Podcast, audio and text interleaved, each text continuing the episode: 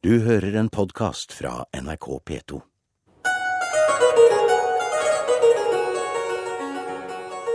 Velkommen til utstillingen Vidvinkel på 1814. Her prøver vi å sette et fokus på det idehistoriske grunnlaget for det som skjedde i 1814. Og kanskje også med en litt eh, Trondheimsvinkel på det? Eh, Veldig, for Trondheim var jo en internasjonal by. Ved siden av Bergen kanskje den mest internasjonale i Norge i 1814. Det er historiker Terje Brattberg som ønsker oss velkommen til Nordenfjelske kunstindustrimuseum i Trondheim. Her skal vi få et bilde av tidsånden i tiden rundt 1814. For i Trondheim for 200 år siden var man minst like godt orientert om utenrikspolitikk, handel, krig og fred som i Kristiania. Kontakten med København og kontinentet var stor.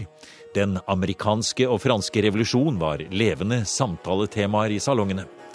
Og der spilte man kanskje nettopp tidens populære melodi, Toccata i G-dur av Johan Sebastian Bach, på sine spinetter. Byen har en 7000 innbyggere. De toneangivende slektene er fremdeles de gamle, rike slektene av flensburgsk, eller i alle fall sønderjytsk, slesvigsk opprinnelse. Og de bodde i sine store paleer. Og de var jo styrtrike, for denne byen hadde jo tre ben å stå på. Vi hadde kobberet fra alle kobberverkene som tilhørte borgerne i Trondheim.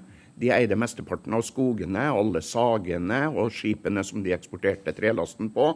Og vi hadde tørrfisk. I de beste årene så eksporterte vi opp til en tredjedel av det som gikk over Bergen.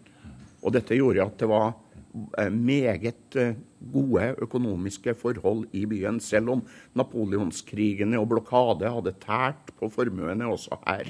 Så var det fremdeles de gamle, rike slektene som bestemte. Mm. Eh, handelsborgerskapet, det å bygge opp sine store formuer gjennom eh, handel, mm. og ikke minst da kanskje gjennom forbindelser man hadde i København, det kan jo kanskje tyde på at det var ikke en udelt positiv ting å skille seg fra København for dette handelspatrisiatet, som jo hadde så sterke interesser i København. Nei, det kan du si, men for meg ser det ut som om det rent idéhistorisk hadde vært ganske stor påvirkning fra den amerikanske, og kanskje spesielt den franske revolusjonen og de strømninger som lå i tiden. Og Christian Fredrik kom jo hit og startet prosessen med å avslutte unionen med Danmark. Og det ser jo ut til at han allerede her kan ha fått en del impulser om at han kunne ikke overta som eneveldig konge.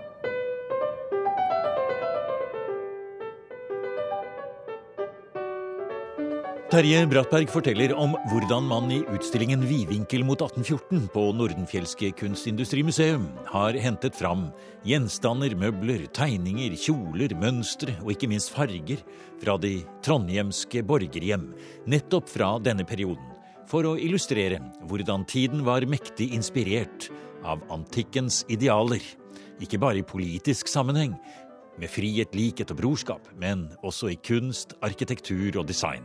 Utstillingen som sådan bygger jo på det gjenstandsmaterialet vi har fra tiden. Men vi har også dratt inn andre ting. Hvis dere ser ut Ja. dette vinduet, Ja. så ser dere over på Katedralskolens klassiske fasade. Ja, den er jo tegnet av Harsdorff, den beste slottsarkitekten på tiden. Og han forlangte at det skulle lages små murstein som lignet på de romerske. Og så skulle den stå som det de oppfattet som en romersk fasade. Så den er faktisk dratt inn som en del av utstillingen. Så morsomt at man gjennom vinduet her ser ut på en av de staselige bygningene i byen og får det inn i utstillingen. Ja. Og bare hvis vender blikket litt, så kommer jo romerske eh, inspirerte gjenstander frem her. Her har vi faktisk ekte antikke gjenstander. Og museet har en forholdsvis stor samling av sådanne. Og det er jo sånne gjenstander som da inspirerte gjenstandsproduksjonen før og omkring 1814. Og så går vi forbi en ekte romersk byste. Og vi kommer nå inn i en avdeling hvor du har møbler, og du har tidsriktige farger. Å ja. Og, Og- når vi ser og- oppå der, se der de sterke farvene. Ja. Det er nesten litt sånn som man har gjort da på det, i Eidsvollsbygningen, restaureringen der. Helt riktig. Og det er samme inspirasjon. Og dere ser noe av inspirasjonen på veggen. Ja. Det er et meget sjeldent plansjeverk som vi har i magasinet. Det har knapt uh, vært uh, åpnet. Og dette inneholder da malerier, akvareller, eh, av sånn som det var i Pompeii og Herculaneum da man grov ut. I dag ser vi jo bare blasse gjenskinn av de fargene man fant under utgravningene. Og dette ble da inspirerende for ampirtidens fargebruk.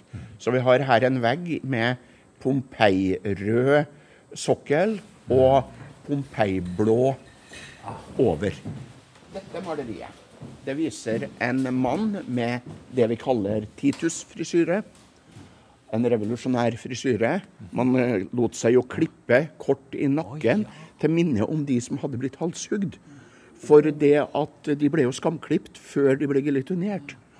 Og han her er da i også en tidsriktig vest og jakke. Men det morsomste er at det er datert til år ni etter revolusjonskalenderen. Og det er malt i Nant. Og vi antar at det er en trondhjemsk borger. Dessverre så vet vi ikke hvem det er. Her nede har vi et kobberstikk. Som har vært der nede, ja. Han har vært der nede og, kanskje- blitt malt i ja, 17, og midt oppi 1799. revolusjonskaoset. Ja, I år ni, du. ja, i år ni. Nei, For år ni, det må jo da være sånn rundt 1800 en gang? Ja, det er vil jeg tro. 17, eh, 1798-99. Ja. Vinteren da. Tenk på det. Ja. Utrolig flott, altså. Og her nede har vi Giljotin, ja. Ja, her blir Marie Antoinette giljotinert. Mhm. Og det er sånne små trykk som ble solgt nærmest som avisbilder. Men folk tok dem da med og rammet dem inn. Ja, men at, at høyborgerskapet i Trondheim liksom satt og hygget seg med disse tingene, det er jo litt eh, spesielt, da. Det er meget spesielt. Ja. Og det hadde vi ikke ventet. Nei, nettopp. Og så kanskje fortelle hva man selv har opplevd, for man hadde jo da, noen av dem, kanskje, hvis dette er en trondhjemmer, hadde vært der, opplevd stemningen. Man kan nesten tenke seg, vi hører jo spinettonen i bakgrunnen, og man sier, kan ikke du fortelle om da du var og opplevde revolusjonen, og de sitter og vifter seg. Det er ganske, det er en veldig morsom tidsbilde du lager for oss. er en, det er en sterk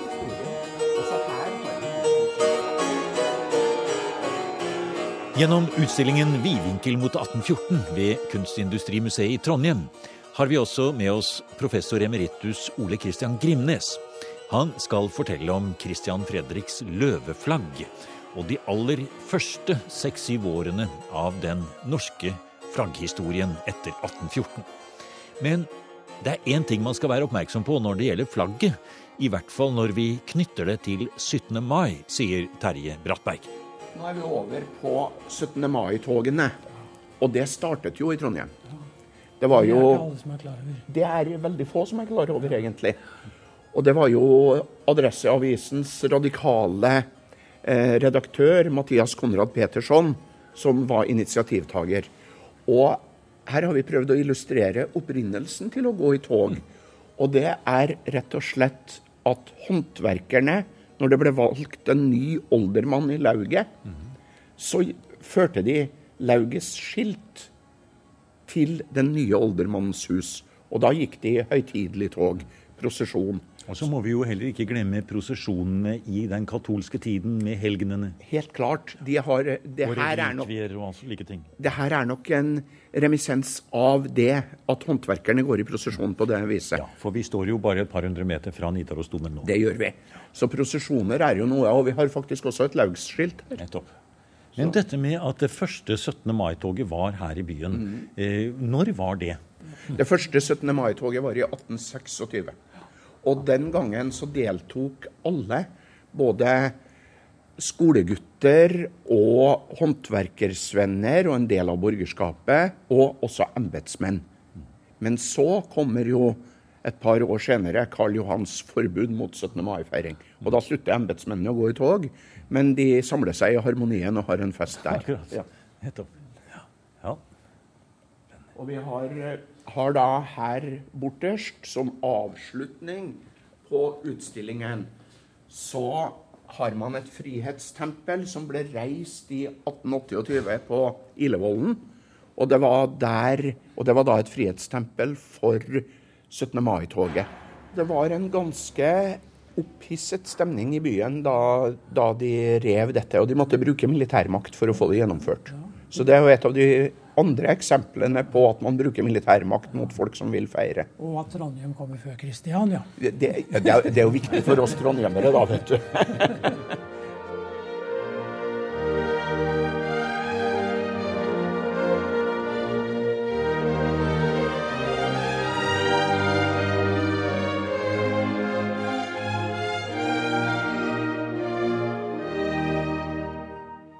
Mens vi går inn i flaggerommet på utstillingen i Trondheim, er det en operettemelodi, et syngespill, som gjorde lykke i Norge på 1820-tallet, vi hører i bakgrunnen. Med melodi av en typisk norsk-dansk-tysk embetsmann i Kristiania, Hans Hagerup Falbe. Geheime Oberfinansråden heter stykket.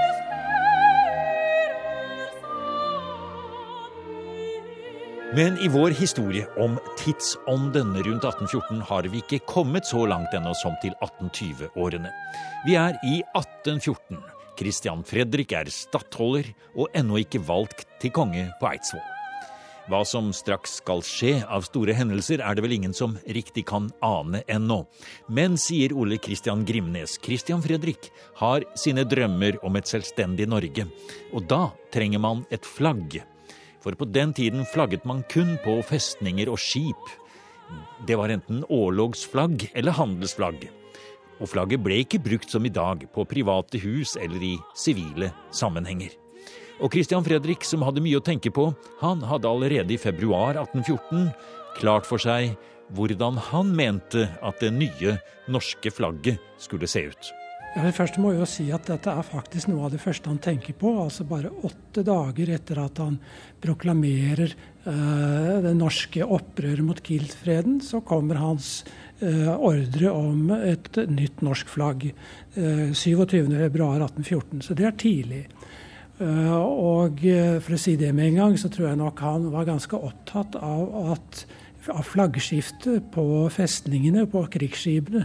Han var jo opptatt av, Som øverstkommanderende så var han opptatt av å få full kontroll med militærmakten. Så han trengte et ytre symbol for den nye norske staten, og at det var den som hadde eiendomsretten nå til, Nettopp, ja. til, eh, til krigsskipene og festningene. Og Her går vi litt nærmere denne veggen på museet her, og her ser vi faktisk nå en eh, replika, kan vi si, av det flagget som da han hadde i tankene, og som han eh, ga forordring om. Man kunne jo nesten si at det ser ut som et helt alminnelig dansk flagg, men det er noe mer på det. Oppi det ene hjørnet, i kantonen som det heter teknisk, eh, så ser vi altså den norske løven eh, med, med Sankt Olavs øks og eh, krone på hodet. Og Det er jo et gammelt norsk symbol, og, og, det mest slagkraftige symbol på norskhet, kan man si, i 1814. Det hadde altså vært i kontinuerlig bruk siden 1280-årene. Mm. Eh, så det var det, for så vidt det, det, mest norske han kunne finne hvis han liksom først skulle ha et symbol. Så helt oppe i den øverste, for å si det veldig amatørmessig, venstre firkanten inn mot stangen. Ja så beordrer han at i hele den ruten, i størrelse som dekker hele ruten, så skal det broderes med gul tråd, eller gulltråd kanskje, eh, en eh, løve med en krummet hale, ser ut som en S, og eh, denne Sankt Olavs øks, den er jo formet som en som en gyngestolsmei på en måte. altså Den er halvrund, det er en sirkel, halv sirkel, og ikke en sånn rett stang. Og Det er det eneste flagget vi har noen løve i inntil, eh, inntil vi får eh, vårt nåværende kongeflagg, eh, som jo har en løve, men det kom mm. først i 1905. da. Mm. Men dette flagget, eh, Christian Fredriks løveflagg, det danske flagget med en gul brodert, brodert løve inn mot stangen i øvre venstre firkant, det flagget man med altså på Eidsvoll. Gjorde man det når man skrev under på 17. mai-grunnloven? Det er, eh, Vi har to kilder på at man flagget på Eidsvoll. og det er eh, Jakob Haall skriver om det i sin dagbok, og så er det vel en, en Grøgaard eh, som også skriver om det i sin dagbok. Så det er ingen tvil om at man flagget på Eidsvoll.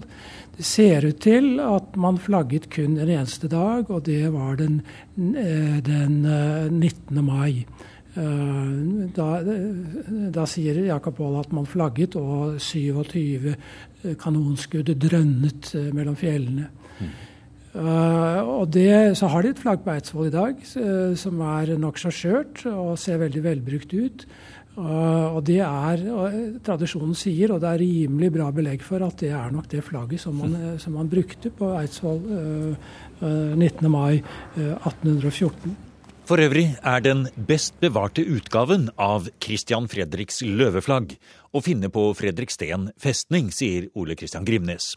Det ble godt tatt vare på av svenskene, for å si det på den måten, som svensk krigsbytte i 1814, og ikke levert tilbake før i 1963.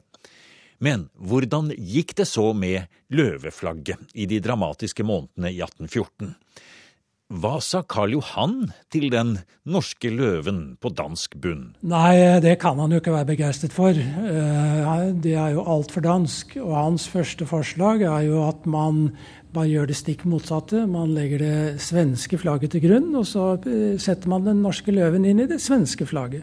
Det var et forslag han kom med til nordmennene. Nordmennene eh, likte ikke det. Eh, og det, det, kom ikke helt til å bli det, men nesten, hvis vi ser på orlogsflagget. Det er et poeng at den gangen var det et viktig skille mellom orlogsflagg, altså militærflagg, og handelsflagg, eller koffardiflagg, som man ofte sa. Og eh, for Karl Johan så var orlogsflagget, militærflagget, med splitt og tunge, det var det viktige.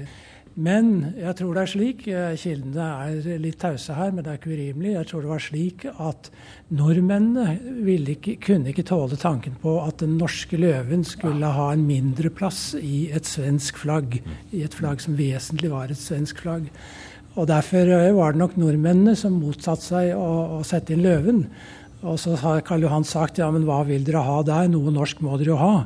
Og så kom de opp med dette rare forslaget. Vi, altså vi står og ser på det nå. Et svensk ja. flagg som har løsningen. Og hva ble den løsningen? Først må vi si at, eh, at, det, at, at det Karl Johan også sa, det var jo at eh, militærflagget, årlagsflagget, det tar jeg meg av, det bestemmer jeg. Det var omtrent det han sa i, i mm. praksis. Men dere skal få lov til å ha et handelsflagg. Skal, det kan dere selv få, ordne med. Et flagg for, for handelsskipene, for sivile Det syntes han ikke var så viktig, og, og, det helt sentrale for han var militærflagget. Og det bestemte han. I mars 1815 så bestemte han hvordan dette orlogsflagget skulle se ut. Og han bestemte samtidig også at det skulle være et fellesflagg, et unionsflagg, for både Sverige og Norge.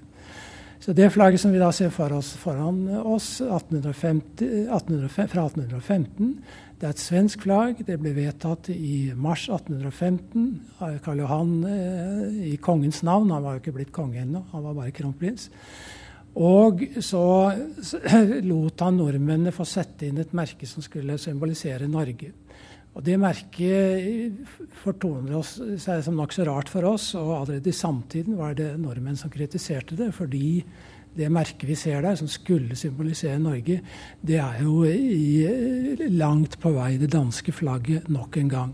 Det eneste man har gjort, er at man har tatt korset og gjort det om som vi sier, til et diagonalkors, eller et, et, et kors hvor, hvor, korsarmene ligger, eh, ligger, på en måte. Eh, og så det, så det, minner om det danske flagget, men det er ikke helt eh, det, det, det, danske flagget. Det er rett og slett en rød firkant da, med et eh, hvitt kryss på, for å si det igjen litt amatørmessig. Ja. Dette krysset minner oss litt om konfederasjonsflagget i den amerikanske borgerkrigen, men det er jo en helt annen historie. Det skulle altså bli for så vidt det var det norske ønsket. Slik skulle eh, årlagsflagget se ut. Ja, det er veldig pussig, men det, det, vet vi at eh, den norske statsministeren Peder Anker var den som foreslo dette. Og kongen har antageligvis ikke vært så veldig begeistret, for det så veldig dansk ut dette her også. Men han, han, han gikk med på det, men fikk understreket i protokollen at dette var uh, det norske uh, flaggets farver. Dette var de norske farger. Mm. Så han uh, ønsket nok at, at, det, at, det, måtte sies helt direkte at det var de norske farger, og ikke de, dan ikke de danske. Mm. Og så kommer vi inn i en veldig spennende og morsom fase i historien om det norske flagget. For nå har altså i 1815 nå har krigsskipene og festningene fått sitt flagg. Det er det svenske flagget med det hvite krysset på rød bunn oppi hjørnet så har altså Karl Johan sagt at dere kan bestemme selv hvordan handelsflagget skal se ut. Det har han altså gitt tillatelse til. Eh, og da skulle man jo kanskje tro at nordmennene med en gang blir enige om et eller annet som er deres liksom på en måte egentlige flagg, da, som ikke Karl Johan har bestemt noe over. Men slik går det ikke. Det skal ta lang tid før nordmennene blir enige om hvordan det flagget skal se ut. Ja, Det, er litt, det pussige er jo altså at det, det, tar jo, det tar jo syv år uh, før de klarer å få bestemt seg for uh, et eget norsk handelsflagg. Eh, det gjør de i 1821, og da bestemmer de seg for det som ble det norske nasjonalflagget. Og La oss gå litt bort og se på det. For det flagget vi har i dag, det er altså det de vedtar i 1821. Og det som er så utrolig spennende med det flagget når vi ser det inn i en historisk sammenheng. For når vi ser flagget i dag, så ser vi jo bare det. Vi ser flagget, det er fedrelandskjærligheten, det er å vinne i OL og alt dette. Men den gangen så var jo valget av motiv, farver, oppsett Da sto Stortinget helt fritt. Man kunne nå valgt for den saks skyld noe helt annerledes. Så velger man altså det danske flagget enda en gang. Men man tar med seg korset fra det svenske. Ja, eh, vi må jo ha klart for oss her et utgangspunkt, og det er eh, Nordmennene var jo veldig historisk bevisste. De ville jo prøve å skape en ny norsk stat, men, men med, med, røtter tilbake til storhetstiden, til sagatiden og sånt. De kalte jo nasjonalforsamlingen sin for storting, f.eks. Eh, lød veldig, veldig norrønt og fint. Og de, jo, og de, så oss tilbake for å se om de kunne finne et flagg som de kunne kopiere. Og, eller farger som de kunne kopiere. og Det var lange diskusjoner om det i denne tiden. Men det viste seg at var, de fant ikke egentlig noe, noe eget norsk flagg. De fant nok et, et kongeflagg eh, med, med, med, løven på. Men de fant ikke noe eget noe flagg som var spesielt for den norske staten eller det norske kongeriket. Eh, og ikke fant, kunne de bli enige om heller som hva som var de norske farger. Eh, rødt var det nok mange som holdt på, men slett ikke alle. Eh, og dermed så sto de i grunnen på bar grunn og måtte finne på noe. Og da ble det igjen det danske flagget, da. Mm. Sånn at det norske flagget er jo i utgangspunktet et dansk flagg. Mm. Få som tenker på det i dag, men hvis de ser det og liksom får det sagt for seg, så ser man det jo med en gang. Det er rød bunn, og det er et hvitt kors. Man kunne ikke nøye seg med det, naturligvis. Da ville det bli igjen se fordansket. Eh, så man tok eh, blåfargen fra det svenske flagget og la et blått kors inni det, inni det hvite eh, korset. Og Dermed så får man dette spesielle korset i det norske flagget. Et blått kors lagt oppå et hvitt kors, og så rød bunn. Og la oss kaste oss ut i symbolismen her, Ole Kristian, for dette syns jeg er så morsomt. Du åpner øynene våre for en helt ny måte nær sagt å se flagget på. Altså det danske flagget med den svenske blåfarven som korset. Da har vi faktisk fått en situasjon her at vi henviser til våre brødrestater i Skandinavia. Men så er det det at vi har nå plutselig tre farver. Og det man kaller et trefarvet flagg, det er jo en trikolor. Hvem er det som har trikoloren? Det er jo Frankrike. Revolusjonslandet. Nettopp. Sånn at, eh, at, eh, det er frihetsfargene. Det er frihetsfargene fra den amerikanske revolusjonen, og det er frihetsfargene fra den franske revolusjonen. Og det varer man seg meget bevisst. Uh, og det er liksom det vi dyrker i dag. Dette er frihetsfargene, dette er frihetsflagget, og dermed så har det klare røtter tilbake til, den, til revolusjonstiden. Men, men, det det da ikke uttrykker, det er en skandinavisme. Eh, det kunne man ikke i og for seg tenkt. ikke sant? Med så mye skandinavisk her, norsk, svensk og dansk, så kunne liksom man sett på som uttrykk for sterke skandinaviske strømninger. Langt ifra uh, skandinavismen. Uh, hørte til senere på 1800-tallet og, uh, og, og, var i noen tiår. Og i 1814 var det ingen sterk skandinavisme. Tvert imot. Altså man, man, uh, man, ønsket jo i og for seg ikke foreningen med Sverige. Og man var misfornøyd med den måten som Danmark hadde bare hadde gitt fra seg Norge på. Så, så, det er en frihetsideologi i det, men ikke en skandinavisk ideologi. Og så må vi ikke glemme selvfølgelig at det har et sterkt uh, religiøst symbol. Altså det har jo korset. Men det var man heller ikke så opptatt av i 1814. Dette var jo menn av opplysningstiden. Så de, de argumenterte ikke religiøst og, og liksom for å fremme at Norge er en spesiell eh, kristen stat. Det var for så vidt greit at, at korset var et religiøst symbol, men når de argumenterte, så argumenterte de mye mer historisk at dette var flagget som Olav hadde brukt, brukt uh, altså helgen kongen. Ja, religiøst, men like mye liksom uh, rojalistisk. Det er kongen. Uh, I dag er vi jo vant til at flagget er noe alle har, til og med maler seg i ansiktet med det. Mens løven er jo litt mer opphøyd på politibiler og Justisdepartementet og sånn. Uh, og det har det nok vært en tendens, gjennomgående tendens til at løven er litt mer offisiell, litt mer statsbundet. Men slett ikke alltid. og det er, så det, Vi har to forskjellige uh, sterke symboler for norskhet. Løven og flagget.